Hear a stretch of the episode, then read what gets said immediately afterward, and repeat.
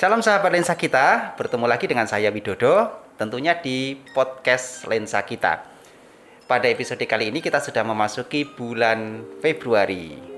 Bagi anak-anak muda, bulan Februari mungkin bulan yang ditunggu-tunggu. Ada yang menunggu untuk menerima coklat, ada yang menunggu juga akan memberikan coklat kepada seseorang. Karena itu merupakan hari kasih sayang. Nah, tentunya hari kasih sayang itu bisa dipanai secara luas peduli mengasihi kepada siapa pun. Nah, pada episode kali ini kita sudah kedatangan bintang tamu. Dia juga salah seorang jemaat GKMI Solo, masih muda, tetapi punya ketertarikan atau passion yang luar biasa. Peduli kepada anak-anak. Nah, keren kan? Masih muda tapi punya passion terhadap anak-anak. Yuk langsung saja kita sambut bintang tamu kita, Miko. Selamat datang Miko. Halo Mas. Gimana kabarnya? Luar biasa Mas. Sehat deg-degan ya? nih Mas.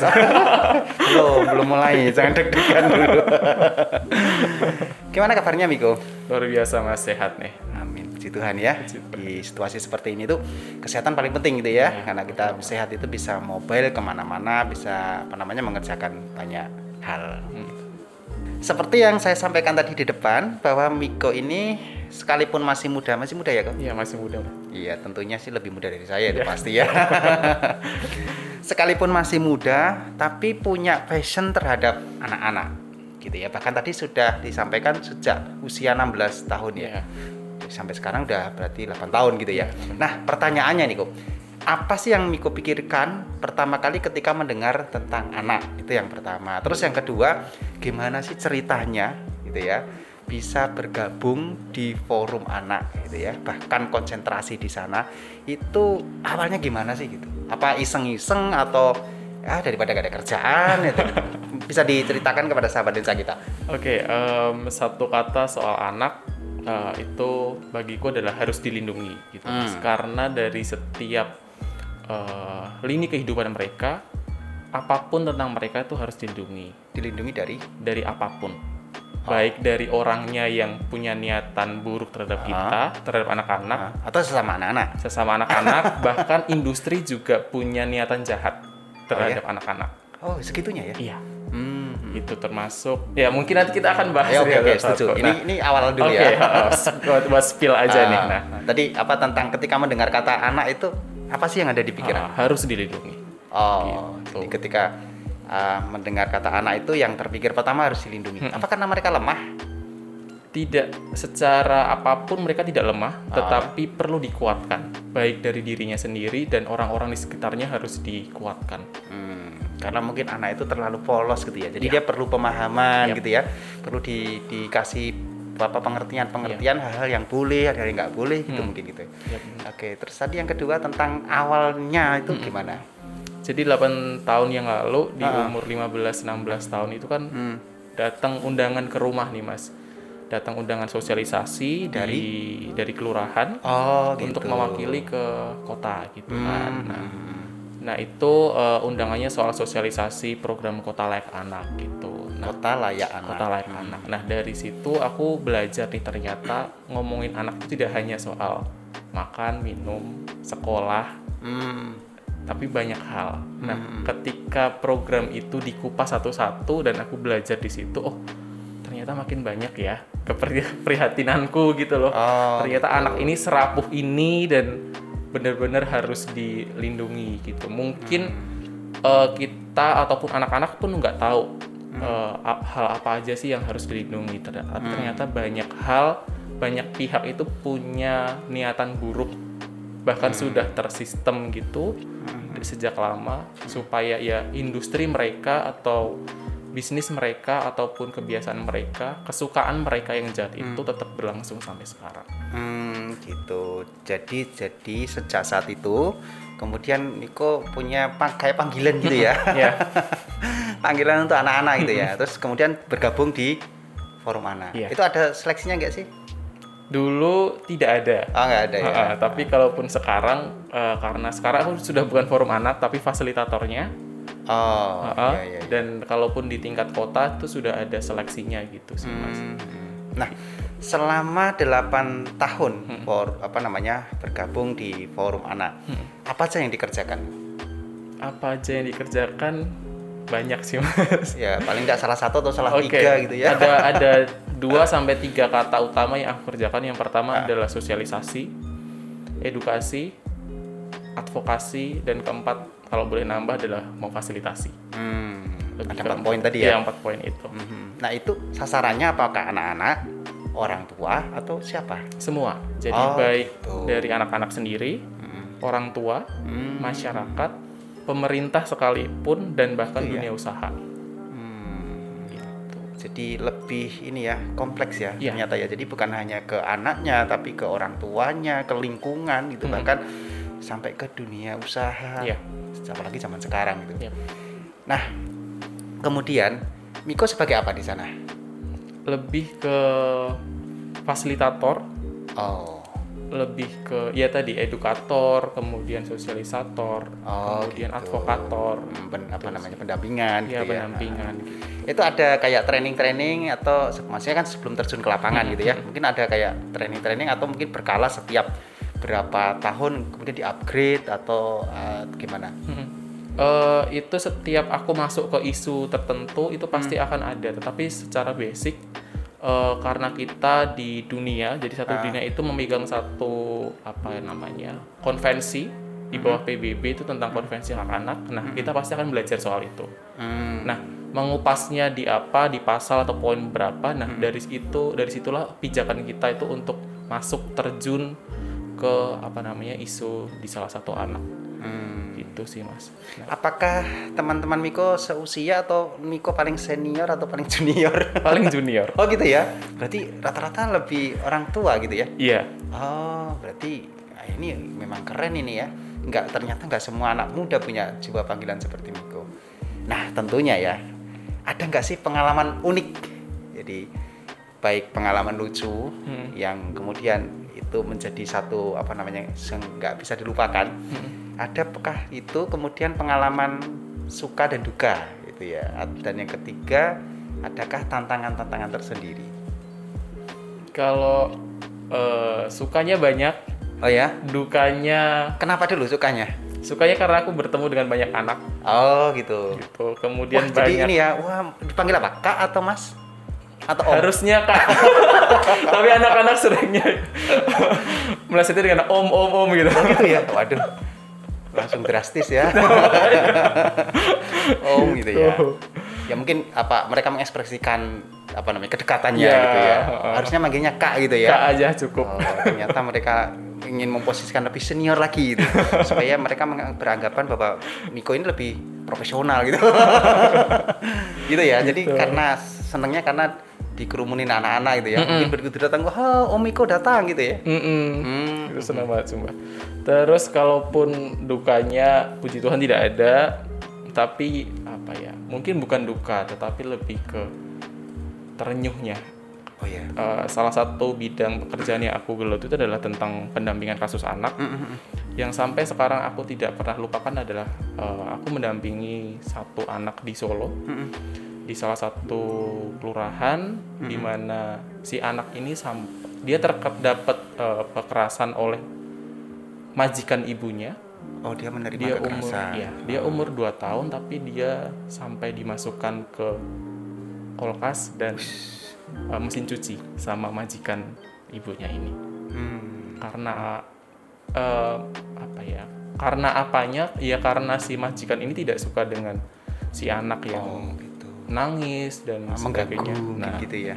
sehingga se- sekejam itu si anak Hmm. tapi satu sisi adalah eh, kita tidak boleh berempati terlalu dalam jadi satu sisi ketika kita harus berhadapan dengan langsung Aha. kita harus profesional harus nggak boleh betul. Iya, iya, mellow nggak boleh meleleh jadi kita harus strong tapi di dalam tuh mellow banget Iya iya iya betul. Karena kan kita mendampingi ya, Iya. Iya, mendampingi supaya kita juga harus kuat gitu ya. Sekalipun hati kita mungkin merasa kayak tadi ya terenyuh, Iya. kayak ya mungkin ikut teriris gitu ya. Iya.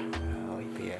Kemudian tantangannya adakah tantangan-tantangan yang dihadapi? Tentunya ada ya. tantangan banyak Mhm. terutama di salah satu bidang lain itu tentang eh, pengendalian tembakau Hmm. nah eh, jadi kalau boleh sedikit cerita nih mas Mhm. anak-anak sekarang Hmm. eh, sebenarnya gini rokok itu sudah menjadi budaya di Indonesia Ya. tetapi hal tidak baiknya itu malah lebih banyak terhadap manusia. Hmm. Sekarang industri rokok itu menyasar ke perokok pemula itu sebagai next customer gitu kan. Iya, iya, Nah, iya. Banyak anak yang tidak tahu, Heeh. belum tahu dan belum sadar, Ikut-ikutan. belum aware, ha, ikut-ikutan. Hmm.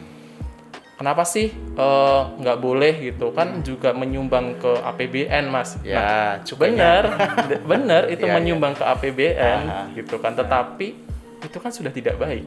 Hmm. Cukai itu kan sebagai pajak atas dosa yang eh, dilakukan gitu kan. Iya. gitu kan. Kalau Iya, boleh iya. mengutip kata-katanya Bu Sri Mulyani. Nah, Ah, ah, ah. eh, industri ini itu sangat kreatif Hmm.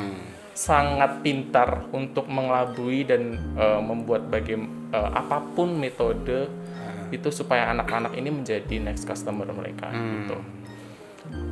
Eh, sorry, next konsumen gitu. Nah, eh, tantangannya adalah kita berhadapan dengan industri yang punya uang sangat banyak, Hmm. sangat pintar, Hmm. dan musuh kita mungkin salah satunya adalah pemerintah yang punya relasi dengan industri ini. Oh, oke. Jadi kita dalam satu kali kerja itu banyak eh, apa namanya banyak sasaran yang harus kita tuju. Yang pertama anak, Hmm.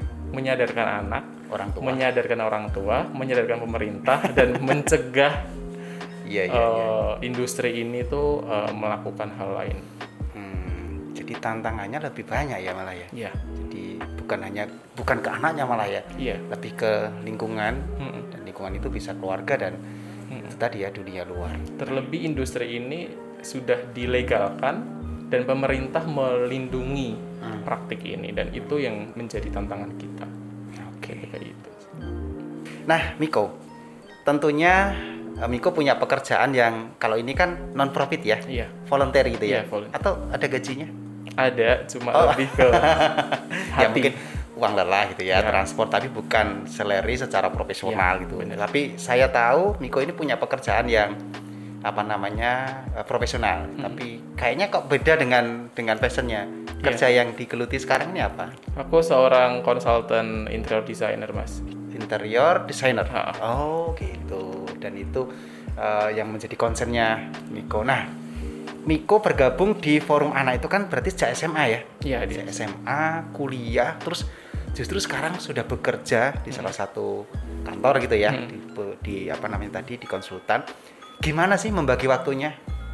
Belum Oke. lagi nanti dengan pelayanan di gereja, misalnya terlibat di singer, terlibat di apa itu, gimana membagi waktunya? Mm-mm. Eh, puji Tuhan itu kegiatan baik bekerja Mm-mm. maupun di forum anak ataupun di dunia anak ini Mm-mm. Eh ya mungkin ada satu dua kali itu momen di mana itu ber- bersinggungan Dan gitu. harus ada yang Tetapi- dikalahkan ya? Iya. Ah, Oke. Tapi puji Tuhan, eh, kalaupun di pekerjaan, memang setiap hari ada pekerjaan gitu kan, Mas. Tapi Hmm. kembali lagi, pandemi itu memberikan plus dan minus. Oh ya? Heeh. Jadi kalaupun kita sampai sekarang itu masih eh, work from home, Iya. jadi aku dan teman-teman staff itu ya mengerjakan dari rumah Oh gitu. gitu. Tet- Tetapi lebih aku ketemu klien, eh, apa namanya, presentasi dan sebagainya. Tapi itu kan cuma sejam dua jam, oke selesai gitu. Setelah itu koordinasi dan sebagainya. Tapi kalaupun ada waktu yang lebih, aku tidak harus eh, di kantor.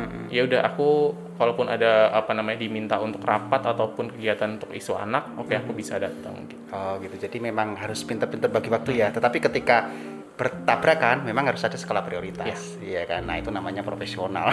Jadi sahabat dan kita, jika ada yang apa namanya sedang dalam permasalahan, pergumulan berkaitan dengan anak, bisa menghubungi Mas Miko. Tapi yang sedang berpikir mau bangun rumah gitu ya, mau renovasi rumah, ini kayak kiranya desainnya gimana ya baiknya. Nah, bisa juga menghubungi Mas Miko. Ini multi talent ini, keren, luar biasa. Dalam dua fokus atau dua konsentrasi yang berbeda. Tadi konsentrasi pekerjaan dan konsentrasi di dunia anak. Tentunya setiap hari ada hal-hal yang baru barangkali kemudian eh, yang satu ini melengkapi yang satu. Mm-mm. Yang di pekerjaan kan juga bertemu dengan orang kan, Iya. konsultasi, ngomong-ngomong gitu kan, sharing. Nah, yang di dunia anak juga gitu kan, ketemu dengan anak-anak, ketemu dengan orang tua. Nah, tentunya ada saling keterkaitan mungkin atau bahkan sama sekali enggak gitu kok. Eh, kalaupun ada keterkaitan pasti ada. Bagaimana Ah. kita eh, apa ya service orang, Oh, hospitality, iya, eh, iya, menyambut iya. orang, kita harus Mendengar bisa gitu ya. pintar-pintar mendengar orang. Ah, oke, itu oke. saling ber eh, ya mensupport Berkaitan satu ya. sama lain gitu. Jadi aku juga sebelumnya kalaupun di kuliah tidak diajarin gimana tuh ketemu klien Ah. gitu, tapi di forum anak atau di dunia anak Justru aku itu ya? juga ha, baru aku dikuatkan di situ malah. Iya, keren, Harus ketemu seperti apa dan Hmm.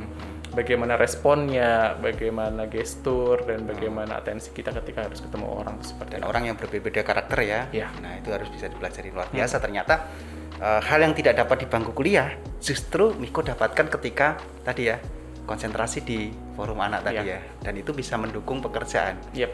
Keren, luar biasa. Nah, ini ada saling keterkaitan. Wah, sip. Ketika mendengar ceritanya Miko, saya jadi ini ya. Kenapa saya dulu nggak tahu tentang kayak ada forum anak segala macam. Seandainya dulu tahu, mungkin saya pengen bergabung juga gitu. Hmm. Tapi sekarang sudah kedaluar saya. ya, tapi paling tidak juga diberi kesempatan untuk mendampingi anak di Mm-mm. tempat yang lain gitu ya. Nah, kira-kira nih Miko, misalnya ada dari sahabat lensa kita, baik yang masih muda atau lebih muda dari Miko, kepengen ini setelah mendengarkan ceritanya Hmm. Miko, aku punya passion yang sama nih kayak Mas Miko, kayak Om Miko. Gimana sih caranya aku bisa bergabung? Terus apa saja yang harus dipersiapkan gitu atau syarat-syarat apa? Mungkin bisa disampaikan ke sahabat desa kita barangkali ada yang tertarik punya passion yang sama di dunia anak. Jadi kalaupun di Solo, aku cerita Solo sih Iya, iya. sebelum nanti ke luar kota, Iya. karena mereka punya cara yang berbeda. Oke, oke. Kalaupun di Solo itu puji Tuhan setiap eh, kelurahan sudah punya organisasi sendiri. Oh, gitu. Jadi bagi teman-teman yang mau gabung itu bisa datang ke kelurahan, tanya aja deh ke eh, bapak atau ibu di sana kalaupun gabung itu seperti apa. Hmm, gitu. Nah, Oke. Tidak ada syarat khusus. Hmm. Paling khususnya sih tidak- tadi ya peduli ke anak itu. Ya, dan syarat khusus utamanya itu di bawah 18 tahun. Dah itu aja. Oh, gitu ya. Ya, Oh, harus di bawah 18 tahun. harus 18 Oh, tahun. oke. Kalau Itu di bawah tadi 18 syaratnya tahun ya. itu yang syarat mutlak gitu untuk oke, ikut di oke. forum anak. Nah, Hmm. kalaupun di Solo mudah dan berjenjang karena di tingkat kelurahan, kecamatan, kota itu ada. Hmm. Gitu. Tapi kalaupun di tingkat kota itu ada sistem seleksinya setiap tahun Oh, dan gitu. tahun ini Februari ini akan ada open recruitment Oh ya. Uh, baik itu pengurusnya dan fasilitatornya itu akan diupload di uh, akun Instagramnya DP3AP2KB Kota Apa itu? Surakarta Apa itu itu? dinas dinas pengandalian nah panjang Oh, tuh iya, di situ Ya, Kalau nggak di- pokoknya ya. Ah, Oke, itu oke, oke. terus kalaupun di luar kota Mhm. jadi sebenarnya organisasi itu setiap kota kabupaten tuh harus punya gitu Ada kan gitu Mas. ya. Oh, Oke. Tetapi eh, bagi teman-teman luar kota itu bisa datang aja ke dinas perlindungan anaknya Oh. ke bidang perlindungan anak Iya, iya, itu iya. tanya aja Pak Bu kalaupun mau bergabung ke forum anak itu bagaimana? Gimana caranya? Oke, nah sekarang kan semakin jelas gitu ya. Mm-mm. Jadi bagi teman-teman kaula muda yang punya passion yang sama dengan Omiko, silakan bisa datang ke kelurahan. Nah ini kesempatan lagi di bulan ini ya, Mm-mm. ada open recruitment tadi ya dari tingkat kota itu ya, tingkat kota kota. Surakarta. Oke, jadi ada banyak hal kalau menurut ceritanya Miko tadi ada banyak hal yang tidak ada didapati di dunia kuliah di bangku kuliah dan didapati di sana gitu ya. Dan tentunya juga hidup kita akan semakin bermanfaat. Banyak teman terutama akan terkenal di dunia anak-anak itu ya. Oke.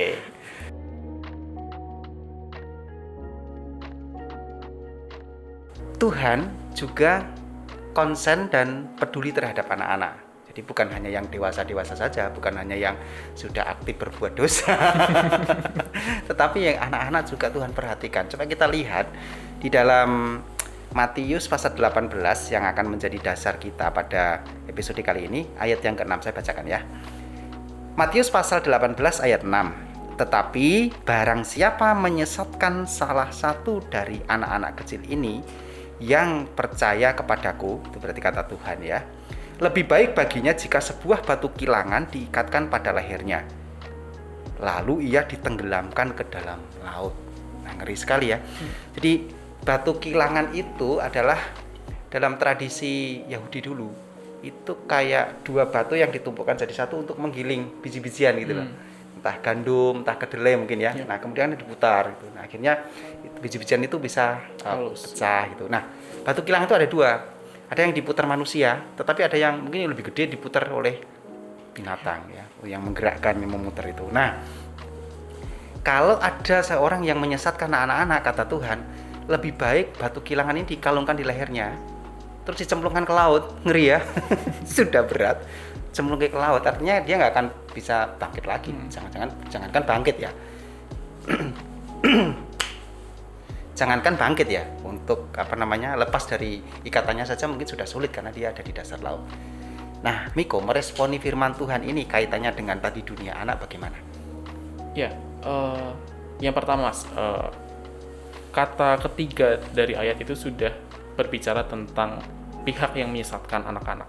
Oh, Jadi setidaknya di zaman sekarang yang masih terbuka terhadap informasi apa pun, kita harus aware, harus peduli dan harus paham. Di luar sana baik siapa pun, baik apa pun itu ada pihak-pihak yang eh, ingin berbuat baik, eh, berbuat tidak tidak baik terhadap iya, kita. iya. Hmm. Nah, tetapi apa yang tadi di ayat Alkitab eh, sampaikan ada pihak-pihak juga kok yang peduli sama anak-anak yang kalaupun Iya. sudah ataupun mereka yang belum Hmm. Terkena kasus ataupun dapat eh, kekerasan. Hmm. Nah, satu hal dari dua hal dari ayat ini adalah yang pertama kita harus aware dulu. Hmm. Ada orang yang tidak baik, Ya, tetapi kita juga harus tahu ada banyak orang yang baik juga. yang baik terhadap kita. Ah, Tentang siapa pun mereka yang tidak baik terhadap kita, nggak tahu kan? Nah, nggak tahu. Tetapi benar. Paling nggak harus ada hukuman-hukuman yang eh, mereka terima Iya. dari apa pun yang mereka Konsekuensinya dong. perbuat. konsekuensi. Iya. Bahkan kalau Alkitab tadi mengatakan kejam sekali ya, lebih baik batu kilangan. Kenapa nggak hanya batu kecil aja, tapi dia katakan batu kilangan gitu ya. Jadi supaya nggak bisa, mungkin nggak bisa hidup lagi gitu ya. Supaya nggak ada korban-korban Iya, berikutnya. benar sekali. Oke, oke, oke. Jadi memang kita harus aware terhadap itu bahwa kejahatan itu selalu ada di mana-mana Iya. gitu ya. Dan tapi ingat juga ada kebaikan itu. Iya. Nah, menarik sekali kalau kita berbicara tentang penyesatan atau Hmm. menyesatkan itu menurut saya ya, menurut saya itu ada dua. Jadi ada dua hal. Yang pertama adalah orang yang menyesatkan secara aktif. Jadi orang yang menyesatkan secara aktif itu adalah membuat orang kemudian berbuat dosa. Iya. Itu yang pertama. Ini kaitannya dengan kebenaran gitu ya.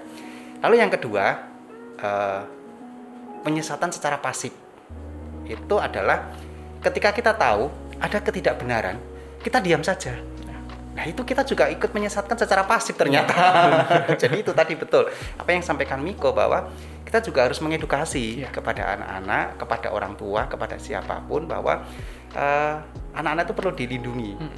Di luar sana ada banyak orang yang kemudian mau berbuat jahat. Bahkan kalau kita lihat di berita-berita itu kebanyakan justru bahkan orang-orang terdekat gitu Iya. ya, terdekat dari anak-anak Hmm. sendiri, bukan orang lain gitu. ya. Sekalipun ada juga itu. Nah, oleh sebab itu supaya kita tetap bisa memberikan apa namanya pemahaman tadi ya menurut Miko. Dan ini menarik sekali. Lalu gini kok, tantangan apa sih kemudian yang akan dihadapi ketika banyak pengaruh, apalagi sekarang ini ya di dunia digital 4.0 gitu ya. Itu jangankan anak-anak usia 2 tahun. Oh ya, sorry. Yang didampingi Miko itu biasanya anak-anak usia berapa sih? Dari paling kecil pun, Ah. dia tadi paling kecil ya 2 tahun sampai dia 18 tahun, Mas. Oh gitu, Ya. gitu. Nah, anak-anak sekarang ini anak-anak usia satu tahun aja sudah kenal gadget ya. Iya. Bahkan ada kalau eh, gadgetnya diambil dia nangis-nangis gitu. nah, pasti ada tantangan tersendiri tentunya. Dibandingkan 8 tahun yang lalu, Hmm. Iya. perkembangan apa namanya gadget nggak se- seperti sekarang ya. Mungkin dulu baru zaman-zamannya BlackBerry mungkin Iya. gitu ya. Nah, sekarang kan sudah Android gitu ya. Gimana? Adakah tantangan itu? Tantangannya banyak, Mas. Hmm. Baik dari orang maupun benda itu pasti akan memberikan dampak buruk ketika kita tidak bisa ataupun siapa pun kita itu tidak bisa memanfaatkan dan menyaring dengan baik. Hmm. terkait eh, pendidikan anak dalam hal apa pun baik itu secara iman maupun pendidikannya di rumah maupun di sekolah itu banyak tantangan. Nah kita pasti eh, orang tua ataupun dari kita tahu gadget itu berguna, Hmm. tetapi bagaimana kita bisa eh, mengatur, bisa eh, menahan supaya anak itu tidak ketergantungan. Hmm. banyak cara kok mungkin anak bener kayak di eh, udah diminta udah tantrum tuh udah nangis gitu tapi kan pasti ada pola-pola pengasuhan yang itu kurang Iya. kurang pas bagi anak itu. Nah, mungkin eh, dari fase-fase anak ini kan pasti punya maintenance sendiri-sendiri, punya cara pendidikan itu sendiri. Nah, ini juga tantangan nih, Mas. Setiap generasi, setiap apa ya? Di tahunku cara mendidik papa mama tuh berbeda dengan cara Adikmu ya? adikku gitu. Nah, ya karena itu tergantung ataupun juga apa ya kepekaan orang tua ataupun kita Mm-mm. gak usah orang tua lah kita saudara atau teman itu merespon ataupun peka terhadap eh, anak-anak ini baik siapa pun itu ketika ada perilaku ataupun udah apa input yang nggak baik kita harus melakukan sesuatu harus berani. Memang tidak instan. Betul. tidak langsung sadar tapi Iya. bagaimana kita bisa mensupport mereka dengan cara apa pun yang baik supaya mereka tuh sadar Ya tentunya bukan berarti kemudian ya sudah sul- sulit untuk dikendalikan misalnya gitu ya. Udah putus asa. Nah, udah nyerah dulu gitu Ah, kan ada cara gitu ya dan Pasti memang prosesnya berarti nggak instan ya Iya. karena proses dia kemudian ketergantungan segala macam itu kan nggak instan juga kan Iya. mulai fase-fase awal sampai kemudian stadiumnya semakin tinggi itu berarti bisa juga dimasukkan kategori ancaman juga bagi anak-anak kah? iya Hmm. Contoh saja bagi teman-teman. Kalaupun tadi anak-anak eh, yang masih balita sampai lima tahun itu gadget yang paling ah, sering ah. gitu kan mas. Ada lagi mulai dari enam tahun sampai SMP sampai 15 tuh ancamannya tuh ya gadget juga tetapi televisi juga. Oh ya? Eh, disadari atau tidak anak-anak kan sekarang eh, tidur udah malam tuh mas. Di atas jam Pagi, 10 gitu kan. Nah malam pagi gitu kan. Nah simple saja. Mulai jam 10 tuh tayangan di TV tuh udah berbau Makin menarik ya. eh, makin menarik Ah. sensornya kurang Oh. dan terlebih adalah eh, iklan-iklannya udah berbau rokok Hmm. itu yang di televisi Hmm. di HP Lebih nggak dipercaya ya. atau tidak negara kita itu masih kurang dalam pengawasan sensor-sensor baik itu yang untuk terkait kekerasan, pornografi dan Hmm. apa pun. Jadi karena terlalu cepat nih perubahan zamannya, Hmm. memang tuntutan orang tua ataupun anak-anak juga harus segera secepat mungkin untuk beradaptasi. Hmm. Mungkin sudah tahu nih mas, tapi kadang kan ya berbuat tidak baik itu sangat ter- menggoda. Tetapi ya bagaimana iman kita itu harus Iya iya. kuat gitu. sih. Satu lagi nih mas. Ah, kok. Jadi misalnya nih, misalnya eh, ada orang tua yang kemudian punya pergumulan atau punya konsen terhadap anak-anaknya yang sedang dalam penanganan khusus misalnya. Nah, ini kemudian mau meminta fasilitator dari forum anak. Caranya gimana sih? Nah, Ngontak ke siapa? Terus bayarnya berapa? atau gimana? Nah penangan, aku balik tanya nih mas, penangan khususnya itu berupa apa dulu nih? ya katakanlah contoh gitu ya misalnya aduh ini anakku sudah ketergantungan ke gadget nih. Kalau nggak nggak pegang gadget dia nggak mau makan misalnya. Kalau misalnya nggak pegang gadget dia nangis misalnya dan lain sebagainya gitu. Nah, itu contoh simpelnya bukan lagi belum lagi contoh-contoh yang lain. Misalnya ada yang sudah kecanduan maaf ya pornografi Iya. dan lain sebagainya game bahkan bahkan sampai itu. Gimana? Eh, satu hal eh, fungsi kami itu hanya memfasilitasi, tetapi Hmm. kami juga mendorong eh, supaya pemerintah Kota Surakarta Hmm. dan itu sudah diduplikasi di setiap kota kabupaten yang lain. Hmm. Itu kalaupun di Solo ada namanya Puspaga, Mas, Pusat Pembelajaran Keluarga. Puspaga Hmm, pusat, pembelajaran, keluarga. keluarga, Oke. Nah, di situ ada layanan secara gratis. Hmm, gitu-gitu. Bisa diakses eh, siapa pun di mana pun. Oh, online itu.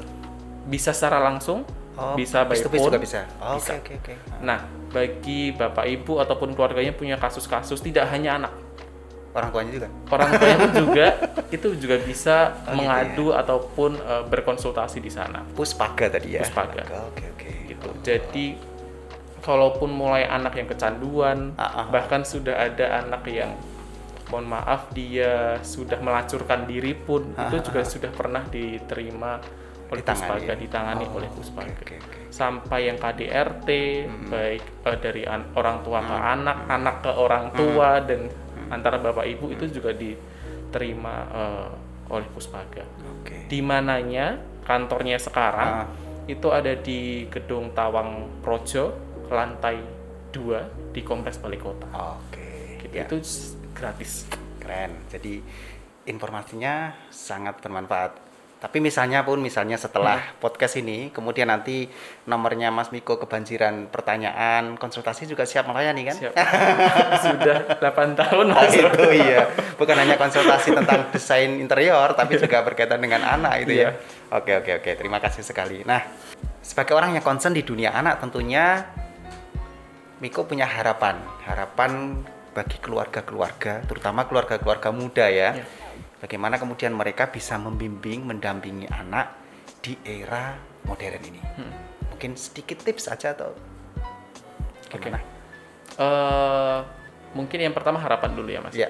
Nah harapannya adalah setiap kita, Ah. entah kita, tidak hanya orang tua, Ah, tapi bisa temen nih teman-teman Ah. yang punya teman yang sekiranya mulai ada gelagat tidak baik, ah, mulai galau, Ah. tapi udah lama, kemudian ataupun ada saudara yang, doh galaunya terlalu lama. Gitu. Hmm, Nah, setidaknya dari kita, entah siapa pun tuh orang tua, teman, Hmm. saudara itu punya satu harapannya kita punya empati. Oke.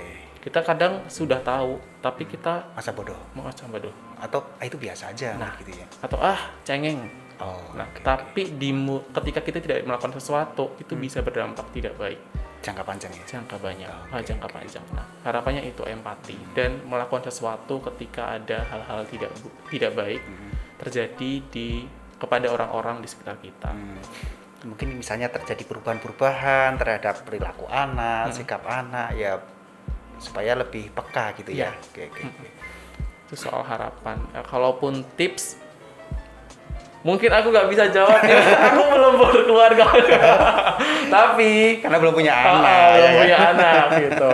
Nah, tapi kalaupun belajar dari eh, apa namanya pengalaman nih mas, pengalamannya orang lain maksudnya, itu lebih kepada kita harus eh, kita jangan kaget.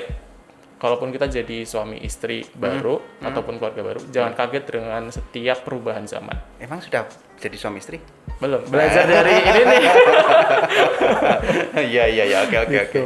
Terlebih eh, banyak perubahan yang akan datang, Ya, pasti. kita harus aware Iya. Harus selektif mana itu yang baik mana yang buruk Dan harus siap. harus siap Iya, jangan kagetan tadi ya. Jangan Oh, kaget. Tiba-tiba begini gitu ya. Heeh. Iya, iya. Oke. tapi ketika itu sudah jadi budaya jangan jangan takut untuk berbeda daripada yang lain Hmm. Oke. Kayak itu sih Cukup itu? Oke, terima kasih Miko. Sebenarnya sih saya masih punya banyak pertanyaan, tapi nanti waktunya ini ya. Jadi nanti kasihan sahabat lensa kita menyaksikan. Mungkin kita bisa buat episode-episode berikutnya ya. Karena tadi kan banyak lini-lininya ya di pendampingan anak itu ya. Ternyata begitu banyaknya, begitu kompleksnya Iya. kehidupan di dunia anak. Terima kasih Miko sama sudah hadir di podcast kesayangan kita, podcast lensa kita. Gimana perasaannya? Aku bangga sih sama teman-teman bangga. Sama siapa? Sama saya? sama teman-teman Oh. sama GKMI karena punya media kreatif nih Keren, ya. menyasarnya ke teman-teman apalagi kalaupun di masa pandemi ini nggak Ah. bisa tatap muka gitu di gereja Hmm. kita bisa kok dengerin lensa kita Ya. ataupun streamingnya gereja Oke. gitu. jadi tetap sehat tetapi ya itu media kreatifnya keren banget Oke. Terima kasih. Sekali lagi, jangan lu kapok nanti suatu saat kita akan undang lagi karena masih ada banyak pertanyaan di belakang tadi ya. Siap. Saya juga senang Miko anak muda yang punya passion luar biasa di dunia anak tapi juga profesional di pekerjaan. Nah, ini jadi satu pelajaran juga bagi kita-kita bisa memanage waktu dengan baik. Oke, sahabat Densa kita, kita sudah sampai di penghujung episode kali ini. Kita tadi sudah bincang-bincang dengan Miko, bintang tamu kita. Keren ya. Ada banyak hal yang kita bisa peroleh dari perbincangan kita pada episode kali ini pesannya Miko supaya kita tetap aware bahwa kejahatan itu, niat orang jahat itu bisa terjadi di mana-mana. Bisa di keluarga kita, di lingkungan kita, atau di luaran sana. Tetapi ingat, juga masih ada orang-orang yang peduli. Dan satu lagi, Tuhan itu yang lebih peduli. Dari semuanya. Jangan lupa untuk tetap mengikuti podcast Lensa kita yang akan tayang setiap dua minggu sekali, baik di kanal YouTube GKMI Solo maupun Spotify Lensa kita. Dan satu lagi yang pasti, jangan lupa untuk tetap mematuhi protokol kesehatan karena corona belum beranjak dari bumi yang kita cintai ini. Sampai jumpa di episode berikutnya dan Tuhan Yesus memberkati.